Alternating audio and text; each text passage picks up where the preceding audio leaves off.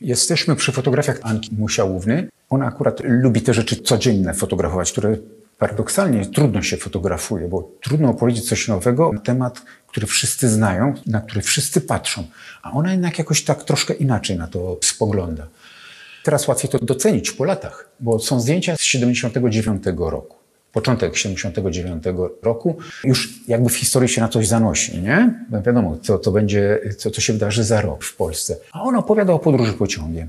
Zwyczajna, najprostsza rzecz. Zwykłą osobówką drugiej klasy. Wtedy w pociągach można było palić. Wiem, bo też byłem palącym człowiekiem. I nawet jeżeli była przekreślony papierosek na szybie naklejony, to znaczy, że tu nie wolno palić, to nie wolno palić tam, w przedziale. Bo już wystarczyło wyjść na korytarz, już można było normalnie jarać. Tak samo jak w pociągach dalekobieżnych. Dla niepalących były przedziały, a na korytarzu już się paliło. Na korytarzu było po prostu gęsto. Łapałeś miejsce, bilety też były towarem deficytowym. Łapałeś miejsce po prostu tam, gdzie dostałeś, a jak chciałeś zapalić, po prostu wychodziłeś na korytarz i zatruwałeś wszystkich ludzi. Życie kwitło w tych pociągach, nawet tych zwykłych osobówkach. Ten facet, zobaczcie, palący papierosa w futrzanej czapce.